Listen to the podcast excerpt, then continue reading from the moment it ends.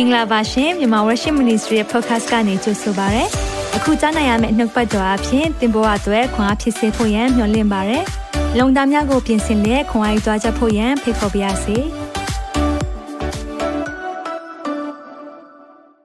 မင်္ဂလာပါမတွေ့တာကြပြီအားလုံးနေကောင်းကြပါသလားကျွန်တော်လည်းနေကောင်းပါတယ်ဒီနေ့လည်းကျွန်တော်တို့ prophecy update ဆိုတာကျွန်တော်မျှော်လင့်နေတဲ့စစ်ပွဲရှိတယ် မျော်လင့်နေတယ်ဆိုတာထက်ဖြစ်လာမယ်လို့တမန်ကျမ်းစာပြောထားတဲ့စစ်ပွဲရှိတယ်။အဲဒီစစ်ပွဲဖြစ်လာမဲ့အကြောင်းအရာလေးတွေကတဖြည်းဖြည်းနဲ့ build up ဆိုတဲ့အာနီးစပ်လာပြီးပို့ပြီးတော့ဒီအရာတွေအတွက်စစ်ခင်းကျင်းလာတဲ့အရာတွေနိုင်ငံတကာမှာဖြစ်ပျက်နေတဲ့အရာတွေနောက်ပြီးတော့မျက်မှောက်ရေးရာမှာဖြစ်ပျက်နေတဲ့အရာတွေကိုကျွန်တော်တွေ့လာရတယ်။ဒါကြောင့်မလို့ဒီနေ့မှလည်းပြန်ပြီးတော့ဒီအရာကိုလေ့လာသွားရအောင်။ alright ဆိုတော့ခဏလောက်ကျွန်တော်တို့နေစကန်နိုင်ရအောင်။ အသက်ရှင်သောဖခင်ဒီနေ့ပြန်လည်ပြီးတော့ September လအတွက် prophecy update season ကိုအပြုလုပ်ခွင့်ပေးလို့ကျေးဇူးတင်တယ်ဒီနေ့မှလည်းကျွန်တော်တို့ရှေ့လေပိုင်းနဲ့ပတ်သက်ပြီးတော့အထူးဖြင့် Israel နဲ့ပတ်ဝန်းကျင်မှာရှိတဲ့နိုင်ငံတွေနဲ့ပတ်သက်ပြီးတော့ဟိုတော့ကျွန်တော်တို့လေ့လာနေပါတယ်ဒီအရာအဖြစ်တမန်ကျမ်းစာပြည့်စုံတဲ့အရာတွေကိုတော့ကြိုပြောထားတဲ့အရာတွေရေစကြည်လအဖြစ်ပြောထားတဲ့အရာနှစ်ပေါင်း2600ကြိုပြောထားတဲ့ prophet ပြုချက်များတဖြည်းဖြည်းကျွန်တော်တို့ရဲ့မျက်ဝါးကျွန်တော်မျက်စိအောက်မှာမျက်ဝါးထင်ထင်ပြည့်စုံလာတာတွေမြင်တွေ့ရလို့ကျေးဇူးတင်တယ်ဒီအရာအဖြစ်ကြောက်ဖို့မဟုတ်ဘဲနဲ့ကျွန်တော်တို့ပြင်ဆင်စေဖို့ကိုတော့ကျွန်တော်တို့ကိုသွန်သင်လို့ကျေးဇူးတင်တယ်ဝိညာဉ်တော်အဖြစ်နဲ့ဒီနေ့မှာဆက်လက်သွန်သင်ပါလမ်းပြပါသခင်ရှုနာမ၌စက္ကန့်နဲ့ဆုတောင်းပါ၏ အာမင်အာမင်ဟုတ်ပြီကျွန်တော်ဒီနေ့နှုတ်ပတ်တော်ကြည်အောင်เนาะနောက်ဆုံးသောကာလတမန်ကျမ်းစာပြည့်စုံချက်တွေတဖြည်းဖြည်းတွေ့လာရပြီဒီနေ့မှာလည်းဒီအရာကိုဆက်လက်ပြီးတော့ကျွန်တော်တို့လေ့လာသွားရအောင်ဆိုတော့ဒီနေ့မှာကျွန်တော်သုံးပိုင်းလေးပြောပြသွားခြင်းနဲ့အဲ့ဒါကတော့အာဣသရေလကဆီးရီးယားထဲမှာ ဝင်ပြီးတော့လေကြောင်းတိုက်ခိုက်မှုတွေလုပ်တဲ့အရာဘယ်လောက်ထိအကျိုးသက်ရောက်မှုရှိလဲနောက်ပြီးတော့အီရန်နဲ့ပတ်သက်ပြီးတော့နျူကလ িয়ার သဘောတူညီချက်တွေဘယ်အခြေအနေရောက်နေပြီလဲဒါတွေကိုသွားမယ်ပြီးမျက်မှောက်ရေးရာဆိုတာတော့ရုရှားတို့တရုတ်တို့အမေရိကန်အမေရိကန်တို့เนาะဒီရဲ့အထူးသဖြင့်တော့ကျွန်တော်တို့အာဒီအရှိလေပိုင်းနဲ့ပတ်သက်ပြီးတော့ ဘာတွေဆက်ဖြစ်နေလဲဘာတွေဖြစ်နေလဲဒါတွေဘာဆက်ဖြစ်သွားမလဲဒါတွေကိုကျွန်တော်လေ့လာသွားရအောင်ဆိုတော့မမိကြလားမသိအများအားကျွန်တော်ပြောတဲ့အရာလေးရှိတာပေါ့နော်စောင့်ကြည့်ရမယ့်နိုင်ငံတွေနော်စောင့်ကြည့်ရမယ့်နိုင်ငံသုံးနိုင်ငံရှိတယ်နော်အဓိကပေါ့နော်သုံးနိုင်ငံရှိတယ်အဲ့ဒါကတော့ရုရှားရဲ့အီရန်ရဲ့တူရကီရဲ့နော်အာဒါ Israel ကတော့ပြောစရာမလိုပါဘူးကျွန်တော်တို့လုံးဝစောင့်ကြည့်တဲ့နိုင်ငံဖြစ်တယ်ဆိုတော့ Israel အပြင်ကိုစောင့်ကြည့်ရမယ့်နိုင်ငံ၃နိုင်ငံအကြောင်းကိုကျွန်တော်မကြာခဏပြောတယ် ဒီနေ့မှလည်းထပ်ပြီးတော့ပြောသွားမယ်ဘာကြောင့်ဒါကိုစောင့်ကြည့်တာလဲသင်္ဘောတဖန်ပင်ဆိုတာတခြားမဟုတ်ပါဘူးအေးသေးလာတိုင်းပြည် Israel နိုင်ငံဖြစ်တယ်ဆိုတော့တော်တော်များများ prophecy update ကိုနိုင်ငံရေးတရားဟောတယ်လို့ထင်တတ်တယ်မဟုတ်ပါဘူးတမန်ကျမ်းစာပြည်စုံလာတဲ့အကြောင်းပြောတာဖြစ်တယ်အဲကြောင့်ရှင်လုကာခရစ်ဝင်ကျမ်းခန်းကြီး21အငယ်29ကနေ32ကိုဖတ်ချင်ပါတယ်တပန်ထက်ရဲ့မိန့်တော်မူသောဥပမာကဒါသခင်ယေရှုပြောတာဖြစ်တယ်။ တင်မောသဖန်ပင်မှာဆိုင်တစ်ပင်များကိုမှတ်ကြလော။တင်မောသဖန်ပင်နဲ့တစ်ပင်များဣသရေလနဲ့ပတ်ဝန်းကျင်နိုင်ငံတွေကိုပြောတာဖြစ်တယ်။အရွက်ပေါက်သောအခါနှွေကာလနီးသည်ကိုသင်တို့သည်အလိုလျောက်သိမြင်ကြ၏။အရွက်ပေါက်ပြီနော်လန်းဆန်းလာပြီပြန်ပြီးတော့အသီးသီးတော့မယ်ဆိုရင်နှွေကာလရောက်လာပြီနောက်ဆုံးသောကာလရောက်လာပြီ။ နော်အရွက်ပေါက်တယ်1948မြန်မာနိုင်ငံရဲ့လွတ်လပ်ရေးနှစ်လည်းဖြစ်တယ်နော်အဲ့ဒီနှစ်မှာအဲ့ဒီနှစ်မှာပဲဣသရေလနိုင်ငံကလည်းနှစ်ပေါင်း2000လောက်တိုင်းပြည်ပျောက်နေတာကနေတိုင်းပြည်ပြန်ဖြစ်လာတယ်ဒါကပါလေအရွက်တွေပြန်ပေါက်လာတာနော်နေကာလရောက်တယ်ဆိုတာဒါတင်မောတဖန်ပင်ရဲ့သဘောတဘာဝကအရွက်ပေါက်လာပြီဆိုရင်တော့အသီးသီးတယ်ထုံးနည်း၎င်းပဲ ဣသရေလနိုင်ငံပြန်ပြီးတော့စတင်လာပြီဆိုတဲ့အချိန်ကနေကျွန်တော်တို့နောက်ဆုံးသောကာလရဲ့နောက်ဆုံးသောအပိုင်းတွေရောက်လာပြီသခင်ပြန်လာတော့မယ့်အချိန်ဖြစ်လာတယ်ထိုနည်းတူထိုအကြောင်းအရာများကိုဖြစ်တည်မြင်ရရင်ဖျားသခင်နိုင်ငံတော်ဒီလူနေပြီဟာလေလုယာဝန်ခံပါအောင်ဖျားသခင်ဤနိုင်ငံတော်ဒီလူနေပြီလို့ဖျားသခင်ဤနိုင်ငံတော်ဒီလူနေပြီဒါကြောင့်ဒီအကြောင်းတွေကိုအမြဲတမ်းပြောတာဖြစ်တယ်ဖျားသခင်ရဲ့နိုင်ငံတော်ဒီလူနေပြီဒါကြောင့်တင့်ကို လောကအရာတွေထဲမှာအသက်မရှင်စေချင်ဘူးဒါကြောင့်မလို့ကျွန်တော်တို့ကိုကိုကိုလည်းသတိပေးတယ်အသင်းတော်လည်းသတိပေးတယ်ဒီနေ့ကျွန်တော်ပြင်ဆင်ရအောင်ငါအမှန်ဆိုဒီကသခင်ယေရှုတခါမှမလိမ်ဘူးပါဘူးဒါပေမဲ့ငါအမှန်ဆိုဒီကငါတီးပြောမယ်နော် ဘ ဘာကိုပြောချင်တာလဲလေးနဲ့တဲ့အကြောင်းပြောချင်တာဖြစ်တယ်ယခုဖြစ်သောလူများမကုန်မီထိုအကြောင်းအရာအလုံးစုံတို့သည်ဖြစ်ကြလိမ့်မည် this generation လို့ပြောတဲ့အခါမှာเนาะဒီရဲ့မျိုးဆက်တစ်ခုဒါကမြင်ကိုမြင်ရမယ်ကျွန်တော်ယုံကြည်ပါတယ်အဲ့ဒီသခင်ကိုသခင်ကြွလာမဲ့ နော်ချီဆောင်ခြင်းကိုအရှင်လက်လက်ပါမဲ့မျိုးဆက်ကကျွန်တော်တို့မျိုးဆက်လို့မြင်ပါတယ်အာမင်သင်ယုံကြည်ပါသလားအခုကြည်နေတဲ့သူတွေယုံကြည်ပါသလားဒီနေ့ကျွန်တော်တို့အရှင်လက်လက်နဲ့ချီဆောင်ခြင်းထဲမှာပါမဲ့အုပ်စုဖြစ်အောင်အာမင်ယုံကြည်ပါတယ်ဒီအကြောင်းအရာတွေမြင်ပြီဆိုရင်တော့ကျွန်တော်ယုံကြည်တယ်ဒီအဖွဲ့ပဲအာမင်ဒါကြောင့်သိနေပြီအဲ့လောက်ကိုနေပြီဖြစ်တယ် ကောင်းကင်နဲ့မြေကြီးမတည်တော့လဲငါစကားတည်လိမ့်မည်ဟာလေလုယာဖခင်ရဲ့နှုတ်ကပတ်တော်ဒီကြီးမဲ့အချိန်ရောက်လာပြီဒါကြောင့်ကျွန်တော်ယုံကြည်အောင်ဖခင်သခင်ရဲ့နိုင်ငံတော်ဒီလူနေပြီဒါကြောင့်သင်မောသဖန်ပင်ဣသရေလကိုကြည်အောင်ဘာတွေဖြစ်လဲဒီရက်ပိုင်းနေနော်ဆိုတော့ဒီရက်ပိုင်းထဲမှာအများကြီးအာဖြစ်ပျက်တာတွေရှိတယ်အဲ့ဒီထဲမှာထူးခြားတဲ့အရာလေးတွေကိုကျွန်တော်ကောက်နှုတ်ပြီးတော့ပြောထားတယ်ဆိုတော့စီးရီးယားအတွင်းကပြစ်မှတ်များဆိုတာစီးရီးယားမှာပြစ်မှတ်တွေအများကြီးရှိတယ်လို့ ဘာကြောင့်ပြောလဲဆိုရင်ဆီးရီးယားနိုင်ငံကတကယ်တော့အဲ့ဒီမှာရုရှားကလည်းခြေချထားတာရှိတယ်။အီရန်ကလည်းခြေချထားတာရှိတယ်။ဆိုတော့အစ္စရေးကိုတိုက်ဖို့ရန်အတွက်အီရန်ကလက်နက်တွေအထူးသဖြင့်ပေါ့နော်နောက်ဆုံးပေါ်ဒီဒုံးလက်နက်တွေကိုအမြဲတမ်းတင်ပို့တယ်ဘလို့တင်ပို့လဲခီးတဲ့တင်လေရင်တော့เนาะရတဲ့နီးနဲ့တင်ပို့တယ်ဆိုတော့ Israel ထောက်လန်ရေးတွေကဒီအရာကိုသိပြီဆိုရင်အမြဲတမ်းပဲ လေချောင်းနဲ့တိုက်ခိုက်ပစ်တာပေါ့နော်ဒါကိုမကြာခဏကျွန်တော်တို့ပြောခဲ့တယ်ဆိုတော့ဒီနှစ်ထဲမှာဆိုရင်21ကြိမ်22ကြိမ်ဒါဆို22ကြိမ်လို့ပြောပါတယ်နော်ဆိုတော့ဒီလိုဝင်ဝင်တိုက်တဲ့အခါမှာဘာလို့သူတို့ကပြင်ဆင်နေတာလဲဆိုတော့ဒီလက်နက်တွေကိုအီရန်ရဲ့လက်ပါစီတွေလက်ထဲကိုမရောက်ချင်ဘူးဆိုတော့အီရန်ရဲ့လက်ပါစီတွေကဒီရဲ့နော်အစ္စရေးနိုင်ငံကိုလက်ဖွာလေးနဲ့မြင်ကြည့်ရဆိုအပေါ်ပိုင်းပေါ့နော်မြောက်ပိုင်းမှာဘာလို့ရှိလဲဆိုတော့ Hezbollah တွေရှိတယ် ဆိုတော့ Hezbollah ရဲ့လက်ထဲမှာဒုံးလက်နက်ကတသိန်းခွဲလောက်ရှိနေပြီဆိုတော့သူတို့ကစုဆောင်းနေတာတစ်ချိန်ကျရင်ပြစ်မယ်နော်အောက်ပိုင်းပေါ့နော်ဒီရဲ့တောင်ပိုင်းကိုကြည့်တဲ့အခါမှာလဲ Hamas ရှိတယ်ပြီးတော့ Islamic Jihad ဆိုတဲ့အဖွဲ့တွေရှိတယ်နော်ဒီအဖွဲ့တွေရဲ့လက်ထဲကိုလက်နက်တွေကို ပို့ပို့ပေးနေတာဒါကိုကြားဖြတ်ပြီးတော့ Israel ကပြစ်ရတယ်မပြစ်ဘူးဆိုရင်သူ့ရဲ့လုံခြုံရေးပေါ့နော်ဒါဒါဒေသတွင်းလုံခြုံရေးပြီးတော့ပြည်တွင်းလုံခြုံရေးနိုင်ငံတွင်းဒါ national security ထိခိုက်လာပြီဖြစ်တဲ့အခါမှာတိုက်ခိုက်မှုတွေလုပ်ရတာဖြစ်တယ်ဆိုတော့ဘာတွေဖြစ်သွားလဲကြည့်အောင်နော်ဆိုတော့ပြီးခဲ့တဲ့ရက်ပိုင်းလေးပဲရှိပါသေးတယ် August 31ဆိုတော့နော်ရက်ပိုင်းလေးပဲရှိသေးတယ်ဘာဖြစ်သွားလဲဆိုတော့အဲ့ဒီမှာ Aleppo လေစိတ်ကိုလည်းဝင်ပြီးတော့ Aleppo လေစိတ် ရပြည်လန်းရောပြီးတော့အဲ့ဒီကဂူရောင်တချို့လည်းဣသရေလဝင်ဖြစ်သွားတယ်ဆိုပြီးတော့စီးရီးယားဘက်ကဆွဆွဲတယ်တဲ့။ဘာကြောင့်စီးရီးယားဆွဆွဲလဲဆိုတော့ဣသရေလညင်းလည်းမညင်းဘူးဝင်လည်းမခံဘူး။ဒါသူတို့ရဲ့ policy နော်။ Israel က they never confirm or deny တဲ့။ဘယ်တော့မှသူတို့ဝင်တိုက်ပါတယ်ဝင်ပစ်ပါတယ်ဆိုတာညင်းလည်းမညင်းဘူး။နောက်ပြီးတော့ဝင်လည်းမခံဘူး။ဆိုတော့ဒါသူတို့ရဲ့ policy ဖြစ်တယ်။ဒါမဲ့အဲ့လိုဖြစ်ပြီးဆိုရင်တော့အမြဲတမ်းပဲစီးရီးယားတော့ ပြောလာပြီဒါ Israel ဝင်ပစ်သွားပြီเนาะဆိုတော့ဒီမှာဝင်ပြီးတော့ဘုံကျဲသွားတာရှိတယ်ဘလောက်အထိဒီတစ်ခေါက်မှာပေါ့เนาะဒီရဲ့နေရာတွေမှာထိခိုက်သွားလဲဆိုတော့ဒါဒီဒီရက်ပိုင်းလေးချင်းမှာเนาะတစ်ချိန်မကပေါ့เนาะဖြစ်သွားတဲ့အရာလေးတွေဆိုတော့ဒါကတော့ warehouse ပေါ့เนาะသူတို့ရဲ့ဒါတခြားတနေရာမှာဘာဖြစ်သွားလဲဆိုတော့1000 Iran made missile ဆိုတာကဒီဒုံးကြီးတွေ Iran က အီရန်ကလှုပ်တဲ့ဒုံးကြီးတွေကိုတထောင်လောက်ဖျက်ဆီးနိုင်တယ်လို့ပြောတယ်။အဲ့ဒီထဲမှာ PGM ဆိုတာအာ precision guided missile လို့ခေါ်တယ်။တီတီကြကြဟိုထိန်းချုပ်ပြီးတော့ပစ်လို့ရတယ်။အဲ့ဒီရဲ့ဒုံးကြီးတချို့လည်းပါတယ်လို့ပြောတယ်။ဆိုတော့ဒါကိုတွေးတဲ့အခါမှာတော့အာ Israel က ဒီကိစ္စမှာသူတို့ကြိုတင်ပြီးတော့လက်ဦးမှုရယူထားတယ်ဆိုတာသိရတယ်เนาะဆီးရီးယားမှာဝင်ဝင်ပြီးဖြစ်တယ်ဆိုတော့ဒီရဲ့အကျိုးဆက်ကဘာဖြစ်လဲဆိုတော့ဒီမှာကြီးလိုက်တဲ့အခါမှာ satellite image ပေါ့เนาะဒါဂျိုဒူကနေရိုက်တဲ့ပုံမှာမတွေ့ရလဲဆိုတော့ဒီ Aleppo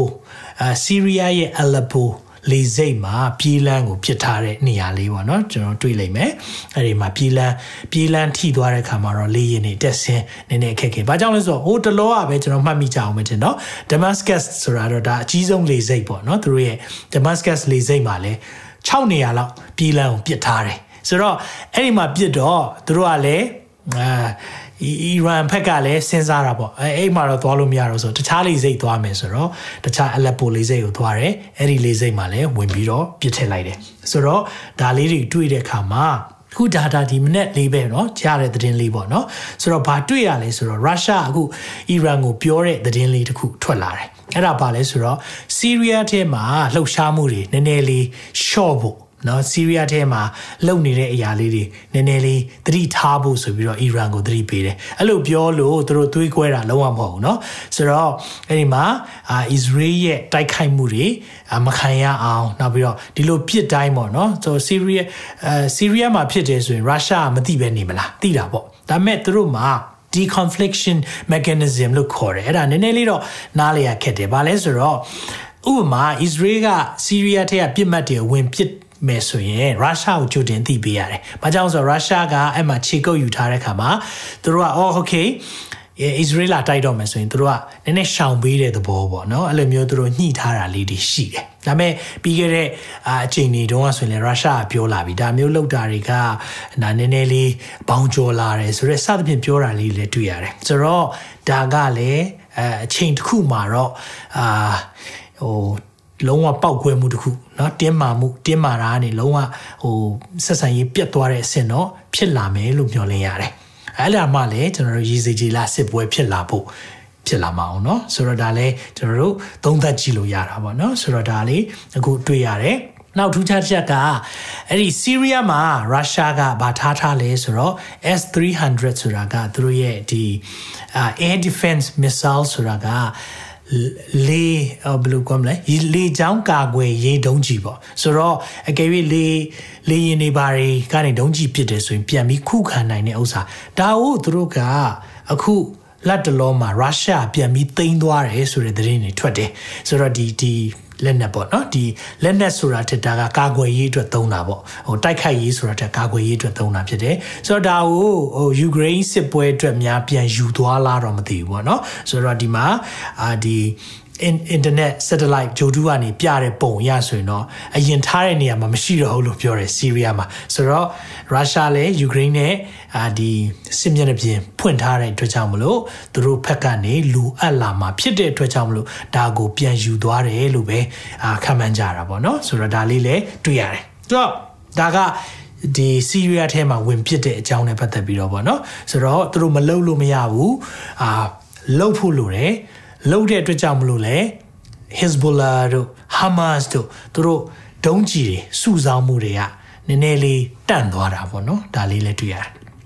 ဆိုတော့အီရန်ကအခုတလုံးမှာအရန်ကိုဒေသတွင်းမှာမငြိမ်သက်အောင်လုပ်နေတယ်เนาะဆိုတော့အခုကျွန်တော်အီရန်အီရန်လို့ပြောတဲ့အခါမှာတခုနားလဲစေချင်တယ်เนาะအီရန်ပြည်သူတွေကိုကျွန်တော်တို့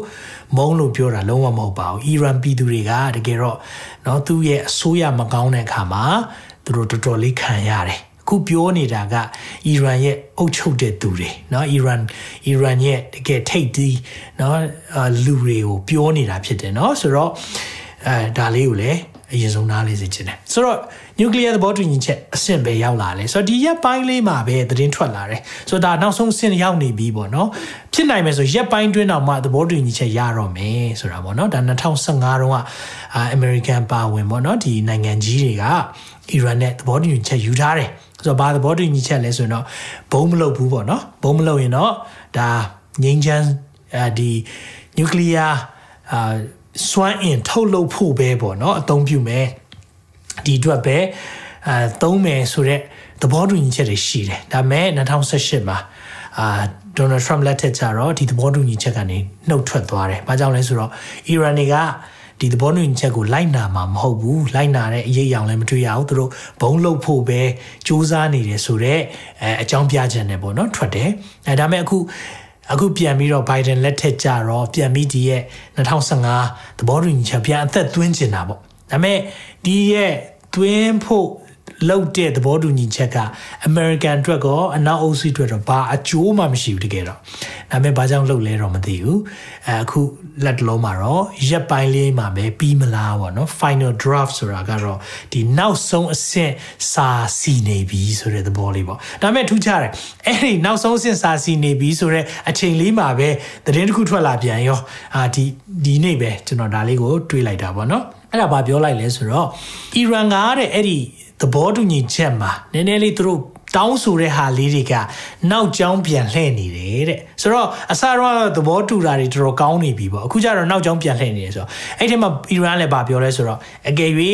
မင်းတို့အရင်တစ်ခေါက်လိုမျိုးနော်ဒီရဲ့စာသဘောတူညီချက်ကနေနှုတ်ထွက်တယ်ဆိုရင်တော့ပြစ်ဒဏ်ခံရမယ်ဒဏ်ကြီးတွေဆောင်မယ်စသဖြင့်ပြောတာတော့နော်နောက်ပြီးရင်သူတို့သူတို့ဘက်ကဟိုတောင်းဆိုမှုတွေတချို့ကမလိုက်နိုင်အောင်ပေါ့နော်အဲလုပ်တဲ့အရာအထူးသဖြင့်ဆိုရင် တချို့တဲ့အဲနျူကလ িয়ার ဓာတ်ပေါင်းဖို့တချို့ကိုစစ်ဆေးခွင့်မရှိဘူးပေါ့။ဘာကြောင့်လဲဆိုတော့အဲ့နျူကလ িয়ার ဓာတ်ပေါင်းဖို့ကတဲ့အာဥပမာဆို unregistered ဆိုတာဒါကဟို register မလုပ်ထားဘူးစီးရင်မသွင်းထားတဲ့တပ်ပေါင်းဖို့တွေတော့စစ်လို့မရဘူးဆိုတော့အဲ့ဒီမှာသူကဘုံထုတ်ရင်ထုတ်နေပါအောင်เนาะဆိုတော့ဒါမျိုးလေးတွေအခုပြောလာတဲ့ခါမှာတော့ backward ဆိုတာတော့နည်းနည်းလေးနောက်ကျောင်းပြန်ပြီးတော့ဖြစ်နေပြီဆိုတာမျိုးလေးပြောလာတယ်ဒါအမေရိက အာပြောလာတာပေါ့နော်ဆိုတော့ Biden လက်ထက်မှာတော့သူရဲ့ဆရာအာသမရအိုဘားမားလုပ်ခဲ့တယ်လို့ပဲသူလုပ်ချင်ပုံရပါတယ်ဒါကိုလည်းမနှဲကိုအသက်သွင်းနေတယ်ဆိုတော့သူတို့ရဲ့ဒီနောက်ွယ်မှာလောက်တာတခုကတော့ဗာလဲဆိုတော့စီစေးကြချင်တယ်ညာဆိုတော့အကယ်၍အီရန်အီရန်ရဲ့တင်ပို့တဲ့စီတွေကိုနော်ဒါကစီးပွားရေးပိတ်ဆို့မှုတွေကိုအားလုံးရှော့ချပေးရမှာအောင်နော်ရှော့ချပေးလိုက်တဲ့ခါကျရင်တော့အီရန်လည်းစီတွေအများကြီးတင်ပို့နိုင်တယ်ဆိုရင်စီစေးကြမယ်ပေါ့ ဆိုတော့ဒါကတော့ဘိုင်ဒန်ကနောက်သက်တမ်းတစ်ခုမှနိုင်ဖို့ရန်အတွက်ဒါနိုင်ငံရေးကစားတဲ့အရာတွေလည်းဖြစ်တယ်ဆိုပြီးတော့သုံးသပ်ကြတယ်ကျွန်တော်ဒါလေးတွေတွေ့ရတာပေါ့နော်ဆိုတော့ဒီသဘောတူညီချက်ကဖြစ်ဖြစ်သွားမယ်ဆိုရင်ဘာတွေဆက်ဖြစ်မလဲဒါအရေးကြီးတယ်ဆိုတော့အဲ့ဒီအချိန်လေးမှာပဲเนาะဒါဒါညှိနှိုင်းနေတာဆိုတော့သူတို့ညှိနှိုင်းနေအဖြေရှာနေတဲ့အချိန်လေးမှာပဲဒီရက်ပိုင်းလေးမှာပဲဘာဖြစ်သေးလဲဆိုတော့အဲ့ဒီအီရန်အီရန်ရဲ့လေရေတက် နော်တင်မောတစီကဘာလုပ်လဲဆိုတော့အဒီအမေရိကရဲ့မောင်းသူမဲ့ယင်ပေါ့နော် drone တခုကိုတို့တို့ဟိုခိုးဖို့ကြိုးစားတာဒါဟိုကျိုးနဲ့ဆွဲသွားတာပေါ့နော်ဆိုတော့အဲ့ဒါကိုအမေရိကပြန်တောင်းတဲ့ခါမှာတော့နောက်ဆုံးသူတို့အဲ့ဒီကျိုးကိုဖျက်ပေးလိုက်တာပေါ့နော်ဆိုတော့ဒီလိုအဖြစ်ပြက်တွေဒါနိုင်ငံတကာအာဒီရေရေပိုင်နဲ့သေးမှာဖြစ်တာဆိုတော့ပြောချင်တဲ့သဘောက သူတို့ဘလောက်ပဲနျူကလ িয়ার အရေးကိစ္စကိုဆွေးနွေးနေပြီမဲ့လုံးဝမကြောက်ဘူးနော်အမေရိကနဲ့အမေရိကကိုသူဖြစ်လုံးဝဟို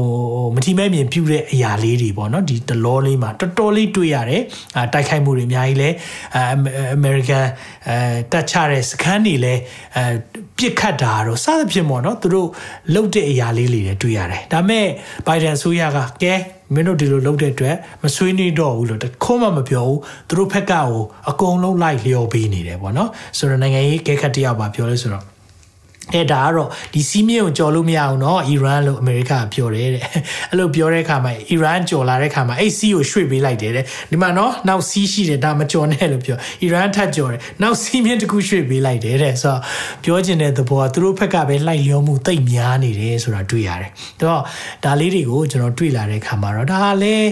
နော်တမန်ကျမ်းစာပြည့်စုံဖို့နီလန်ပို့ပြီးတော့ဖြစ်လာတယ်လို့ပဲမြင်ပါတယ်။ဘာကြောင့်လဲဆိုတော့အီရန်ကလည်းဒီကိစ္စကိုပိပို့ပြီးအားကောင်းလာဖို့ရှိတာပေါ့နော်အမေရိက weak ဖြစ်သွားပြီးအားနည်းသွားတဲ့အခါမှာတခြားအမေရိကရဲ့မဟာယန်သူတွေကရုရှားတို့တရုတ်တို့အီရန်တို့ဒါတွေကထောင်တက်လာတယ်အခုเนาะဒါလေးတွေတွေ့တဲ့အခါမှာတော့ကျွန်တော်တို့တည်ထားတဲ့ဖြစ်တော့မဲ့စစ်ပွဲเนาะရေစကြည်လာ38 39စစ်ပွဲဂောဂဤမာဂောဂစစ်ပွဲဆိုတဲ့အရာဖြစ်ဖို့ပို့ပြီးတော့လမ်းကြောင်းကနီးလာပြီဆိုတာလေကျွန်တော်တို့အဒါကိုတွေ့ရတယ်ဆိုတော့ ဒီမှာเนาะခုနပြောတဲ့ဒီသူတို့ခိုးဖို့ကြိုးစားတယ်ဆိုတဲ့ဒီเนาะဒီ drone ဆိုတာကဒါဒီ drone ကြတော့လေမှာပြန်တာထက်သူက seal drone လို့ခေါ်တာပေါ့เนาะရေထဲမှာသွားတဲ့ drone ပေါ့เนาะဒါထောက်လိုင်းရေးအာလုတ်တဲ့ရင်လည်းဖြစ်တယ်ဆိုတော့ဒါမျိုးတွေတွေ့တဲ့အခါမှာနိုင်ငံတကာရေပိုင်နဲ့ထက်ဖြစ်ပေမဲ့အီရန်ကဒါကိုကျိုးနဲ့ချီပြီးတော့သင်္ဘောနဲ့ဆွဲသွားတာပေါ့เนาะစသဖြင့်အဲ့ဒါပြန်တောင်းတော့အခုပြန်ပေးလာတယ်ဆိုတော့ဒါလေးလည်းဒီဒီအပိုင်းမှာတွေ့ရတယ်ဟုတ်ပြီဆိုတော့ ဒီနျူကလ িয়ার သဘောတူညီချက်ရသွားရင်ဘာထူးမလဲเนาะနျူကလ িয়ার သဘောတူညီချက်တွေအဆင်ပြေသွားပြီဆိုရင်အကယ်၍စာချုပ်ချုပ်လိုက်ပြီဆိုပါစို့เนาะသဘောတူညီသွားတယ်ဘာဖြစ်မလဲဘာဖြစ်မလဲဆိုတာကိုအခု Israel အဲဝန်ကြီးချုပ်ကဘာပြောလဲဆိုတော့အကယ်၍သာတဲ့ဒီနျူကလ িয়ার သဘောတူညီချက်ရသွားပြီဆိုရင်တဲ့အီရန်ကတစ်နှစ်တစ်နှစ်မှာဘီလီယံ100သုံးသူတို့ ဝင်ငွေရှိသွားမယ်တဲ့ဘီလီယံ100 မလုပ်မလဲဆိုတော့အကြမ်းဖက်မှုပဲလုပ်ပါတဲ့ဆိုတော့ Israel ဘက်ကတော့ဒီရဲ့သဘောတူညီချက်ကိုမလုပ်ပါနဲ့မလုပ်ပါနဲ့သူတို့ဘက်ကတော့အမြဲတောင်းဆိုတယ်ဆိုတော့ဘီလီယံ100တဲ့เนาะဆိုတော့အခုဘီလီယံအခုဘာဘာကြောင့်ဘီလီယံ100ရမလဲဆိုတော့ဒီစီးပွားရေးပိတ်ဆို့ထားတဲ့ဟာတွေဖြည့်ဖြည့်ပေးမှာပေါ့ဆိုတော့ဆိုတော့စီတွေတင်ပို့လို့ရမယ်သူတို့ရောင်းအဓိကတော့စီတင်ပို့မှုပေါ့နော်ဒါတွေကိုခွင့်ပြုလိုက်တဲ့အခါမှာတော့အီရန်က ဝင်ငွေတွေအများကြီးတိုးလာမယ်ဆိုတော့သူတို့ဘာပြောလဲဆိုတော့ဒီ Israel ဝန်ကြီးချုပ်ယာယီလပစ်တာဘာပြောလဲဆိုတော့အီရန်ကဒါဒီရရတဲ့ဝင်ငွေတွေနဲ့ကြောင်းဆောက်ဆေးရုံဆောက်မှာမဟုတ်ဘူးတဲ့အကြမ်းဖက်လုပ်ငန်းတွေအတွက်ပဲသုံးပါတဲ့သူပြောရင်လည်းပြောစရာပဲခုအချိန်မှလည်းကြီးလိုက်တဲ့အခါမှာသူတို့ရှိတဲ့ငွေကြေးနဲ့ဝင်ငွေတွေအားလုံးဟာလည်းအကြမ်းဖက်အဖွဲ့ကိုပဲထောက်ပံ့နေတယ်ဆိုတော့သူ့ဘလို့ Iran ဘလို့သုံးလဲဆိုတော့ the biggest state sponsor terrorist တဲ့ဆိုတော့ပြောချင်တာကနိုင်ငံကကူညီထောက်ပံ့ပေးနေတဲ့အဲဒီအကြမ်းဖက်အဖွဲ့အစည်းဖြစ်တယ်လို့ပြောကြတယ်เนาะဆိုတော့ဒါကိုမလုပ်ပါနဲ့ဆိုပြီးတော့ Israel သတိပေးတယ်။ Now အဲ့ဒီသတိပေးတဲ့အပြင်ကို Israel ပြောသွားတဲ့အထက်မှာတခုပါတယ်။ဘာပါလဲဆိုတော့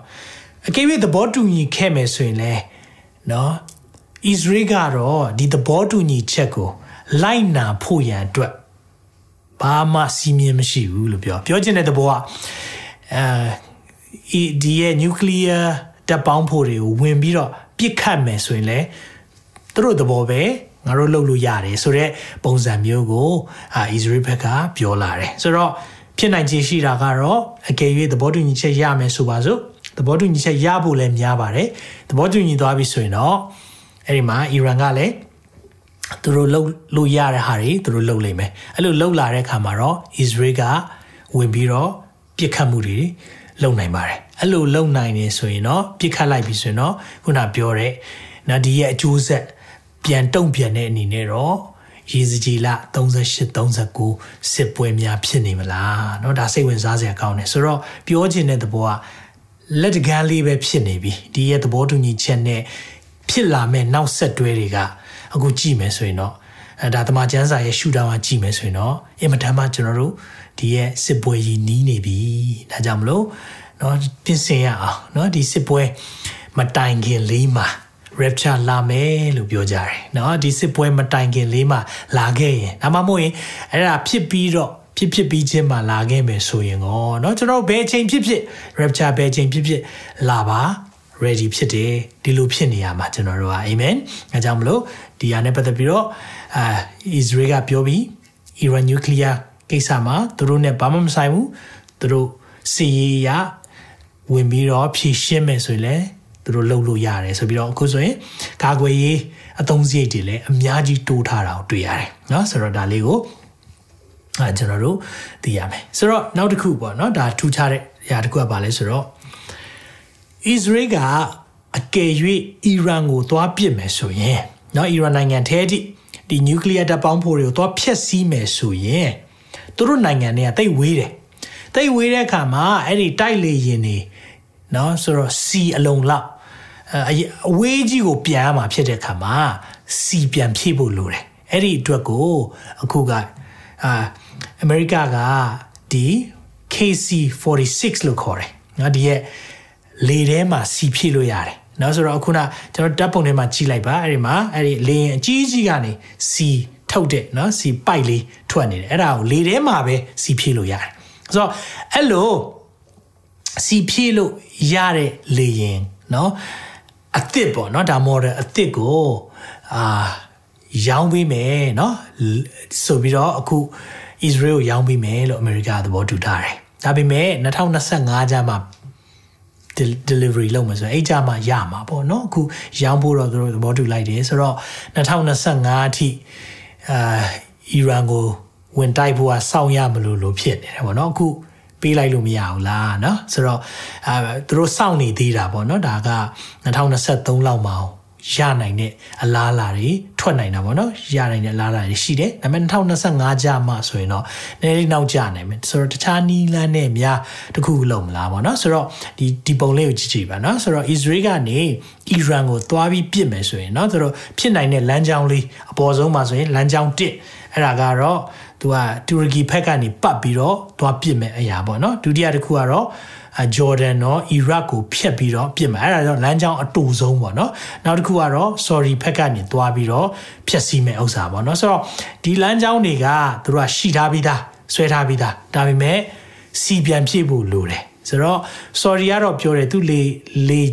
လေပိုင်နက်ကိုတဲ့အသုံးပြုခွင့်ပေးပါတယ်တဲ့เนาะဆိုတော့အဲဒါဒါလေးတွေလည်းကျွန်တော်တို့တွေ့တဲ့အခါမှာတော့ဘာကြောင့်လဲဆိုတော့အီရန်ရဲ့နျူကလ িয়ার လက်နက်တာရသွားမယ်ဆိုရင်ဆော်ဒီလည်းမချောင်းအီရတ်လည်းမချောင်းအစ္စရေးလည်းမချောင်းနောက်ဆုံးပြောမယ် US လည်းမချောင်းဆိုတော့ဒီကိစ္စတွေမဖြစ်ခင်မှာတခုခုတော့လုပ်ဖို့လိုပြီဒါကြောင့် Israel ကဒီကိစ္စကိုအကောင့်ထဲပေါ်သွားမယ်လို့တော့မြင်ပါတယ်เนาะဒါလေးကိုလည်းစိတ်ဝင်စားဖို့ကောင်းတယ်ဒါကြောင့်မလို့ဒီရဲ့အာဒီ2015နျူကလ িয়ার သဘောတူညီချက်ပြန်ပြီးတော့အသက်သွင်းမလားအသက်ဝင်လာရင်အီရန်ဘယ်လိုခြေလှမ်းလှမ်းမလဲအဲ့ဒီပေါ်မူတည်ပြီးတော့ ဣသရေလကတုံ့ပြန်သွားမယ်ဆိုတာကိုကျွန်တော်တို့ကြည့်ရအောင်။ဒါကြောင့်မလို့နောက်ထုတ်လွှင့်ချက်တွေမှာเนาะအခြေအနေထူးရဆိုရင်ကျွန်တော်ဒါအကြောင်းလေးလည်း update လုပ်သွားပေးမယ်။ဆိုတော့ဒါနောက်ဆုံးပိုင်းလေးကျွန်တော်ပြောပြချင်တယ်မျက်မှောက်ရေးရ။ဆိုတော့ဒီရှေ့လေပိုင်းကျွန်တော်တို့အာတမန်ကျမ်းစာရဲ့ပြောဆိုချက်အရဆိုရင်တော့ကျွန်တော်တို့ဒီတင်မောတဖန်ပင်အပြင်ကိုတခြားတစ်ပင်တွေကြည်ရမှာအောင်เนาะဆိုတော့တခြားတစ်ပင်တွေထဲမှာတော့ရုရှားပါတယ်။ဘာကြောင့်လဲဆိုတော့ဂောကမှာဂောကစစ်ပွဲမှာရုရှားပါတယ်အီရန်ပါတယ်တူရကီပါတယ် ဆိုတော့ဒီသုံးနိုင်ငံပါတဲ့အတွက်ဒီသုံးနိုင်ငံဘာတွေလုပ်နေလဲကျွန်တော်တို့တစ်ချက်လောက်ကြည့်ရအောင်เนาะဆိုတော့ရုရှားကဒီရက်ပိုင်းအတွင်းမှာပဲဘာလုပ်လိုက်လဲဆိုတော့တရုတ်ပါတယ်အဲနောက်ပြီးတော့အိန္ဒိယလည်းပါတယ်နောက်ကျွန်တော်သိသလောက်ဆိုလာအိုလည်းပါတယ်ဒီနိုင်ငံတွေပါပြီးတော့သူတို့ကစီရေးလေးကျင့်မှုတွေနော် war game လို့ခေါ်တာပေါ့နော်စီရေးလေးကျင့်မှုတွေပြုလုပ်နေတယ်ဆိုတဲ့အရာလေးတွေတွေ့ရတယ်ဆိုတော့ဒါအန်တူတာပေါ့နော်အနောက်အုပ်စုအန်တူတာပေါ့ငါတို့လည်း ငါတို့မဟာမိတ်အဖွဲ့ရှိတယ်ငါတို့ဒီအဖွဲ့တွေနဲ့ပူးပေါင်းပြီးတော့ပြင်ဆင်နေတယ်စစ်ခင်းချင်းနေတာပေါ့နော်ပြင်ဆင်နေတယ်ဆိုတဲ့အရာလေးတွေလည်းတွေ့ရတယ်ဆိုတော့ဒီရဲ့အာဒီဒီစစ်ရေးလေ့ကျင့်မှုထဲမှာတဲ့ဘာတွေပါလဲဆိုရင်တော့အဲ့ဒီမှာသူတို့နိုင်ငံပါတဲ့အရာအာလူ9000เนาะ troop 9000ဆိုတာစစ်သား9000ပါတယ်ပြီးရင်တော့အာဒီလက်နက်အဖွဲ့9000လောက်ပါတယ်အဲ့ဒီထဲမှာ လေရင်140တော့เนาะပြီးရင်သင်္ဘော60တော့စသဖြင့်ပေါ့เนาะတကယ်ကိုကြီးရည်လေးဒါမျိုးလေးတွေ ਨੇ ပြင်ဆင်နေတဲ့အရာအဲ့ဒီထဲမှာတရုတ်အိန္ဒိယလာအိုမွန်ဂိုလီးယားပါတယ်เนาะနောက်ပြီးဆီးရီးယားလည်းပါတယ်เนาะဆိုတော့ဒီနိုင်ငံတွေလည်းပါတယ်ဆိုတဲ့အရာတွေ့တဲ့အခါမှာတော့သိကြပါတယ်เนาะဒီကကြည့်လိုက်တဲ့အခါမှာတော့ဒါကတော့တကယ်ကိုအာအနောက်အုပ်စုကိုစန့်ကျင်ခြင်းနဲ့ အဲမဒီမဟာယန်သူတွေပေါ့နော်ဒါလည်းသူတို့ကစုယုံနေတာကိုတွေ့ရတယ်နော်ဆိုတော့ဒါသူတို့သူတို့လည်းပြင်ဆင်နေတယ်နော်ဆိုတော့မိတ်ဆွေကိုမေးမေးခြင်းတယ်မိတ်ဆွေရောပြင်ဆင်ထားပြီလားဘာပြင်ဆင်ရမှာလဲဘာပြင်ဆင်ရမလဲကျွန်တော်ချီဆောင်ခြင်းအတွက်ပြင်ဆင်ရမယ်ယုံကြည်သူဖြစ်တယ်ဆိုရင်သခင်ပြန်လာတော့မယ့်အရာအတွက်ပြင်ဆင်ရမယ်ဒါကြောင့်ကျွန်တော်နှလုံးသားတွေပြင်ဆင်ရမယ်အည်တွတ်နေလို့မရဘူးတဲ့ကျွန်တော်တို့ရဲ့သတို့သမီးဝစ်စုံနေ ညစ်ပင်နေလို့မရဘူးတဲ့ဒီနေ့တန်ရှင်းစွာနဲ့အသက်ရှင်ဖို့ဘုရားကျွန်တော်တို့ကိုပြင်ဆင်ပေးနေတာဖြစ်တယ်เนาะဒါလေးကိုနားလည်စေချင်တယ်။နောက်ရုရှားကဘာလုပ်လဲဆိုတော့အီရန်ကနေ drone ပေါ့เนาะတချို့သူတို့ဒီယူကရိန်းစစ်ပွဲမှာတုံးဖို့ရန်အတွက်အာဝယ်တယ်ဆိုတဲ့သတင်းတွေထွက်တယ်။အဲ့ဒီအပြင်ကိုဘာထွက်သေးလဲဆိုတော့အီရန်ရဲ့ drone တွေတုံးရတာပေါ့နော်နီးပညာပိုင်းဆိုင်ရာမှာအခက်အခဲအများကြီးရှိတယ်အစင်မပြေမှုတွေအများကြီးရှိတယ်ဆိုတာလည်းသူတို့ပြောလာတယ် ဆိုတော့ဒါလည်းတွေ့ရတာပေါ့နော်အီရန်ကအီရန်ကနေလက်နက်တွေအဲဘာလို့ဆိုအီရန်ရဲ့စစ်ဗိုလ်တယောက်ဘာပြောလဲဆိုတော့သူကကြွားတာပေါ့နော်ငါတို့ငါတို့မှာ drone တွေအများကြီးရှိတယ်ဘယ်လောက်ထိကောင်းလဲဆိုတော့နော်တကယ်အင်အားကြီးနိုင်ငံဒီကတော့ဝယ်တယ်ဆိုတော့အဲ့လိုမျိုးပြောတာပေါ့နော်ဒါရုရှားကိုပြောတာဖြစ်တယ်ရုရှားလို့တော့မပြောဘူးပေါ့နော်ဒါပေမဲ့ဒီဝယ်တယ်ဆိုတဲ့သတင်းတွေလည်းတွေ့ရတယ်ဆိုတော့ဒီဟာတွေကိုရုရှား စပြီးအသုံးပြုလာမလားဒါလည်းကျွန်တော်တို့ကြည့်ရမယ်ဒါပေမဲ့သိကြတာတခုကတော့သူတို့ကြားထဲမှာရှိတဲ့ bond ဆိုတဲ့ဒီခိုင်လုံတဲ့တိုင်ရောစင်ကတော့เนาะတော်တော်လေးမြင်းနေပြီเนาะဆိုတော့အီရန်ရဲ့ရုရှားရဲ့တူရကီရဲ့เนาะဒီသုံးနိုင်ငံကျွန်တော်တို့အမြဲတမ်းစောင့်ကြည့်နေတယ်ဆိုတော့ဒီရက်ပိုင်းထဲမှာပဲရုရှားကဘာလုပ်လိုက်လဲဆိုတော့ Gazprom ဆိုတာကဒီဥရောပကိုပို့တဲ့ pipeline ပေါ့နော်ဒါနည်းနည်းလေးဟို maintenance လုပ်ဖို့လိုတယ်ပေါ့နည်းနည်းလေးဟို set တွေကိုပြန်စစ်ဖို့လိုတယ်ဆိုပြီးပြောတယ်၃ရက်ခဏရက်မယ်ဆိုပြီးတော့အဲ3ရက်ရက်ရက်ပြီးတော့အဲရက်တဲ့အချိန်မှာ EU ဘက်ကဗာပြောလဲဆိုတော့သူတို့ဥရောပဖက်ကဗာပြောလဲဆိုတော့ gas ပေါ့နော်ဒီဒီတန်ငွေဈေးနှုန်းတွေကို သတ်မှတ်တဲ့တစ်ခုလောက်သတ်မှတ်ထားရင်ကောင်းမယ်ချိန်လုံးဈေးတက်တာကြတာမဖြစ်အောင်ပေါ့နော်ဆိုတော့သူတို့အဲ့လိုမျိုးထိန်းချုပ်ခြင်းတဲ့အခါမှာရုရှားအခုဘာလုပ်လိုက်လဲဆိုတော့အဲ့ဒီနော်ဂျာမနီကိုပို့တဲ့ပိုက်လိုင်းကိုအခုသူတို့အလောလောဆယ်တဲ့သူတို့ရဲ့စက်ရုံမှာအာဒီနည်းနည်းလေးအခက်ခဲလေးတွေရှိတော့စက်ပစ္စည်း malfunction ဆိုတာစက်တွေတိတ်အလုံးမလုံးလို့တဲ့ဆိုပြီးတော့ပိတ်ချပလိုက်ပြီတော့ဒါကတကယ်တော့ဆက်အလုံးမလုံးလို့ပိတ်တာမဟုတ်ဘူးနိုင်ငံရေးကစားတာနောက်တစ်ခုက နော်ဥရောပကိုသူတို့ပညာပေးနေတာဖြစ်တယ်ဆိုတော့နော်ရုရှားကျွန်တော်သိတယ်နော်ရုရှားဒါမှမဟုတ်ရင်ဂောဂမင်းလို့လည်းနော်တချို့ scholar တွေကပြောတယ်ဆိုတော့ဂောဂမင်းကတော့စိတ်ဆိုးနေပြီဆိုတော့ gas ကိုပိတ်လိုက်ပြီဆိုတော့အခု Europe ဥရောပမှာနေတဲ့သူတွေနော်ပြင်ဆင်ထားပါပို့ပြီးပြင်ဆင်ထားပါဘာကြောင့်လဲအခုနှွေရသည်မလို့ခင်ဗျားတို့မသိတာတာစောင်းတွင်းရောက်ရင် gas မရှိတော့ ဘယ်လိုလုပ်ကြမလဲเนาะဒါလေးလည်းကျွန်တော်မြင်တွေ့လာနိုင်မယ်ဆိုတော့ကုန်စင်းနှုန်းတွေ gas ဈေးနှုန်းတွေအစမတန်မြင့်တက်နေတယ်ဆိုတော့အရာတွေလည်းတွေ့ရတယ်နောက်ပြီးရင်ဒီဟာကုန်စင်းနှုန်းတွေစားတောက်စီတွေရှားလာတော့မယ်ဘာကြောင့်လဲတမန်ကျန်းစာပို့ပို့ပြီးတော့ပြည်စုံလာပြီဒါလေးကိုကျွန်တော်မြင်တွေ့ဖို့ဖြစ်တယ်ဆိုတော့ ဒါလေးပြောပြီးတော့ကျွန်တော်ဆုံးသက်ခြင်းနဲ့ဂောဂရဲ့မာဂောဂစစ်ပွဲမကြာခဏကျွန်တော်ပြောတယ်သတိပေးဖို့လိုလို့ပြောတာဖြစ်တယ်။ဒါကြောင့်ဒါလေးကိုပြန်ပြီးတော့နားထောင်ကြည့်အောင်ရေးစီကြီးလား38နဲ့39ထဲမှာရှိပါတယ်။ဒီမှာတစ်ကနေ6မှာဗာပြောလဲဆိုတော့တဖန်သာရဖြိုင်နှုတ်ပတ်တော်ဒီငါစီတို့ရောက်လာ၍အချင်းလူသားယောရှပီမေရှက်ပီတူပူလာပီဆိုရတော့မာဂောကပီတာဂောဂမင်းတစ်ဖက်၌မျက်နှာထား၍ပရောဖက်ပြုလဲရှင်သာရဖျိုင်မိတော်ကိုဆင်ဆိုရမည်မှာ ယောရှမေရှက်တူပူလာကိုဆိုရတော့အိုဂောဂမင်းတင်းတစ်ဖက်၌ငါနေ၏တင့်ကိုငါပြန်လာစီမည်တင့်ပါယိုကိုတန်ချင်းနဲ့ချိတ်ပြီးလင်နော်ဆိုတော့ hook in the jaw ဆိုတော့ဖျားက တန်ချိန်နဲ့ဆွဲပြီးခေါ်လာတဲ့ခါမှာတဲ့တင်မဆိုင်ထူးဆန်းသောလက်နဲ့အမျိုးမျိုးဆောင်တော့သူเนาะယောရှာပီဆိုတာကတော့အများဆုံးကတော့ rosh rosh ဆိုတဲ့အရာကို russia လို့သုံးသပ်ကြတယ်เนาะဒါမှမဟုတ်ရင်မေရှက်ပီမြောက်ပိုင်းအစွန်းပီလို့ပြောတဲ့ခါမှာ Israel ကနေမြောက်ပိုင်းစွန်းစွန်းကြည်လိုက်တဲ့ခါမှာလဲ russia ပဲတွေ့ရတယ်အဲ့ဒီမှာဘာတွေ့ရလဲဆိုတော့တင်မဆိုင်ထူးဆန်းတဲ့လက်နဲ့အမျိုးမျိုးဆောင်တော့သူဆိုသူတယောက်တည်းမဟုတ်ဘူးတခြားသူတွေပါတယ်အဲ့ဒီမှာဘာပါလာလဲဆိုတော့ ဒိုင်းလွားပါလက်ဓားကိုဆွဲကင်တော်လူအယုံရင်းနဲ့မြင်မြင့်စီးတဲ့ဘိုးကြီးအပေါင်းတို့ကိုငါဆောင်ခဲ့မိတဲ့အများကြီးဖះနော်ဣသရေလကိုဝင်တိုက်ဖို့ရန်အတွက်နော်လှုံ့ဆော်ပေးမှာအဲ့မှာတွေ့ရတယ်သူဆောင်လာတာနော်ဆိုတော့အတီးတီးဒါကြောင့်မလို့ဒီစစ်ပွဲမဖြစ်ဖို့ဆူတောင်းလို့မရဘူး။ဘာကြောင့်လဲဖះလှုပ်တယ်ရာအတီးတီးဒိုင်းလွားကင်၍ တန်ခမောက်ကိုစောင်းသောပေရတိပေတာတဲ့ပေရတိဆိုတာဘာလဲဘာရှာ1935ခုနှစ်ဒီဘာရှာလို့ခေါ်ပါတယ်အဲ့ဒီကနေအီရန်လို့နာမည်ပြောင်းထားတာဖြစ်တယ်ဒါကြောင့်အီရန်ကူရှာနော်ဒါကအီသီယိုးပီးယားဒါမှမဟုတ်ဆူဒန်ပြီးရင်ဖူတာလီဗီးယားဖွတ်နော်ပြီးရင်ဂေါမာနဲ့ဒူတက်များမြောက်ပြီးသားတောကမတူရကီဖြစ်တယ်သူနဲ့အလုံးရင်တင့်နဲ့အတူလိုက်လာကြမယ်တဲ့ဆိုတော့ဦးဆောင်မဲ့သူက တခြားလူမဟုတ်ပါဘူးရုရှားဖြစ်တယ်အဲ့နောက်ကနေပါလာမဲ့အဖွဲ့တွေကအဓိကနိုင်ငံတွေကတော့အီရန်နဲ့တူရကီတွေဖြစ်တယ်တော့ဒီနိုင်ငံတွေလာတော့မယ်ဒါတွေဖြစ်မယ်တဲ့နော်ဆိုတော့ဒါတွေကိုကျွန်တော်တို့မြင်တွေ့တဲ့အခါမှာအခုချိန်မှာတဖြည်းဖြည်းနဲ့အဲ့ဒီရဲ့ပြင်ဆင်မှုတွေစစ်ခင်းချင်းတဲ့အရာတွေမြင်တွေ့နေပြီဆိုတော့ဘယ်လောက်နီးပြီလဲအရန်နီးပြီနော် အရန်နေပြီဒါကြောင့်မလို့ကျွန်တော်တို့ဒီနှလုံးသားမှာအမြဲတမ်း ready ဖြစ်ထားပါမိတ်ဆွေအမြဲတမ်း ready ဖြစ်ထားပါ။အော်ဆရာမဖြစ်သေးပါဘူးဆရာပြောတာတစ်နှစ်နှစ်နှစ်တော့ဖြစ်အောင်မှာမဟုတ်ဘူး။ဒါမဲ့သင်မပြောနိုင်တာတခုရှိတယ်။သင်မနှက်ဖြင်အသက်ရှင်အောင်မလားကျွန်တော်မနှက်ဖြင်အသက်ရှင်အောင်မလားမပြောနိုင်ဘူး။ဒါကြောင့်ဒီနေ့ ready ဖြစ်ရအောင်စကြည့်အောင်။နော်ဆိုတော့မာဂောကပီအရင်တော့ကတော့ Soviet Union ထဲမှာပါတဲ့နိုင်ငံတွေလည်းပါတယ်အဲမှာ STEN ၅နိုင်ငံ เนาะဒီနိုင်ငံတွေလည်းပါလာနိုင်တယ်လို့ scholar တွေကသုံးသပ်တယ်လို့ Turkey เนาะဒီနိုင်ငံလည်းမြင်တွေ့နေရတယ်သူရဲ့လှူရှားမှုတွေဒါကတော့ဂောဂနဲ့မန်ဂောကစစ်ပွဲမှာပါလာနိုင်တဲ့နိုင်ငံလေးတွေကိုသုံးသပ်ထားတာဖြစ်တယ်เนาะဆိုတော့ဒီနိုင်ငံတွေလှူရှားမှုတွေကိုကျွန်တော်တို့အမြဲတမ်းမျက်ခြေမပြတ်ကြည့်နေဖို့လိုတယ်ဆိုတော့ဘာကြောင့်ဒီအရာတွေပြောတဲ့အခါမှာစိတ်သက်ကြတယ်လို့တချို့ကလည်းဒါအရန်ကြီးစစ်မဲ့ဖြစ်လာမဲ့အရာကိုပြောတာကြောက်စရာမကောင်းလား ကြောက်စရာကောင်းပါတယ်ဒါပေမဲ့အဲ့မှာမပြီးသွားအောင်မင်္ဂလာရှိတော်မျှော်လင့်ရ hallelujah the blessed hope ကျွန်တော်ယုံကြည်သူတွေမှာမင်္ဂလာရှိတော်မျှော်လင့်ရရှိတယ်လို့ဝန်ခံပါအောင်ကျွန်ုပ်တို့၌မင်္ဂလာရှိတော်မျောလင့်ရရှိတယ်အဲ့ဒါချားလို့မဟုတ်ဘူးသခင်ယေရှုဖြစ်တယ်။ဘာပြောထားလဲတီတူနှစ်ငယ်73နဲ့14ကိုကြည့်အောင်။ကျောင်းမူကမင်္ဂလာရှိသောမျော်လင့်ရာကို၎င်းဘာကိုပြောတာလဲ။သခင်ယေရှုကြီးမြတ်သောဘုရားသခင်တည်သောငါတို့ကိုကယ်တင်တော်မူသောအရှင်သခင်ယေရှု ခရစ်ဘုန်းတည်တော်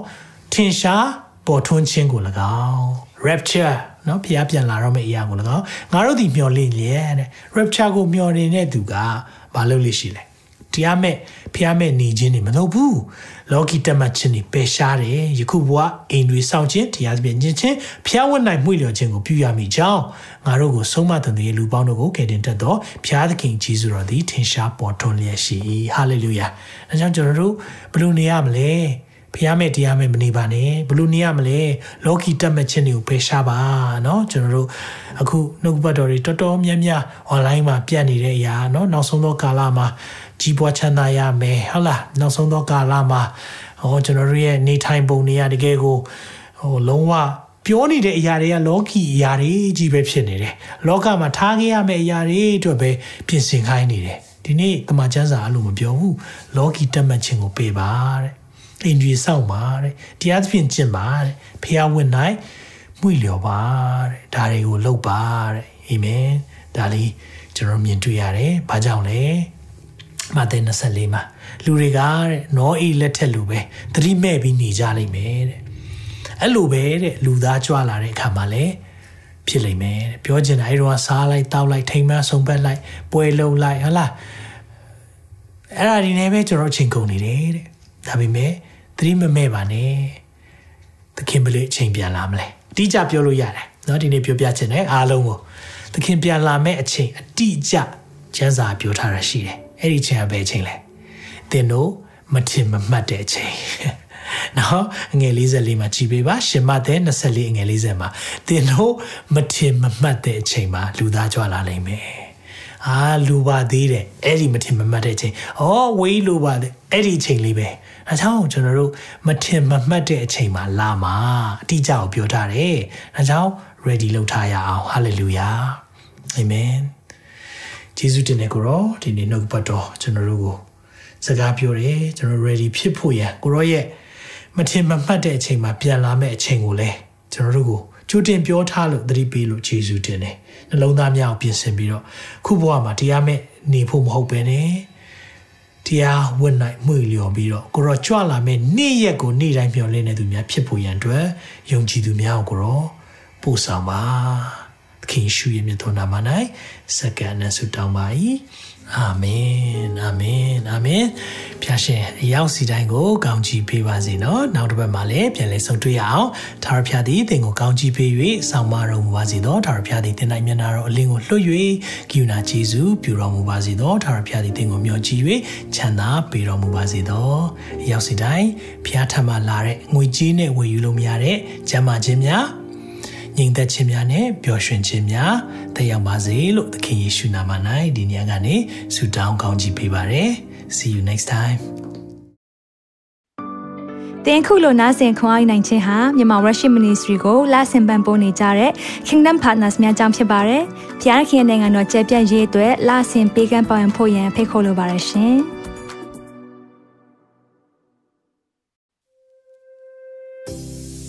ကြားနာခဲ့ရတဲ့နှုတ်ပတ်တော်အဖြစ်ခွန်အားရရှိမဲ့လို့ယုံကြည်မျှော်လင့်ပါတယ်။ခွန်အားရဆိုလို့ရှိရင်ဒီတစ်ပတ်နဲ့ပြန်လည်ဝင်မြပေးဖို့ရန်တောင်းဆိုပါရစေ။မြန်မာ Worship Ministry ရဲ့ website myanmarworship.com ကိုလည်းလာရောက်လေ့လာဖို့ရန်အတွက်ဖိတ်ခေါ်ချင်ပါတယ်။တစ်ချိန်တည်းမှာမြန်မာ Worship Ministry ရဲ့ social media platform များဖြစ်တဲ့မြန်မာ Worship YouTube Channel, မြန်မာ Worship Facebook Page နဲ့မြန်မာ Worship Instagram များကိုလည်းလာရောက်လေ့လာဖို့ရန်အတွက်ဖိတ်ခေါ်ချင်ပါတယ်။နောက်တစ်ချိန်မှာပြန်လည်ဆုံတွေ့ကြပါစို့။ဖျားရှင်ကောင်းကြီးပေးပါစေ။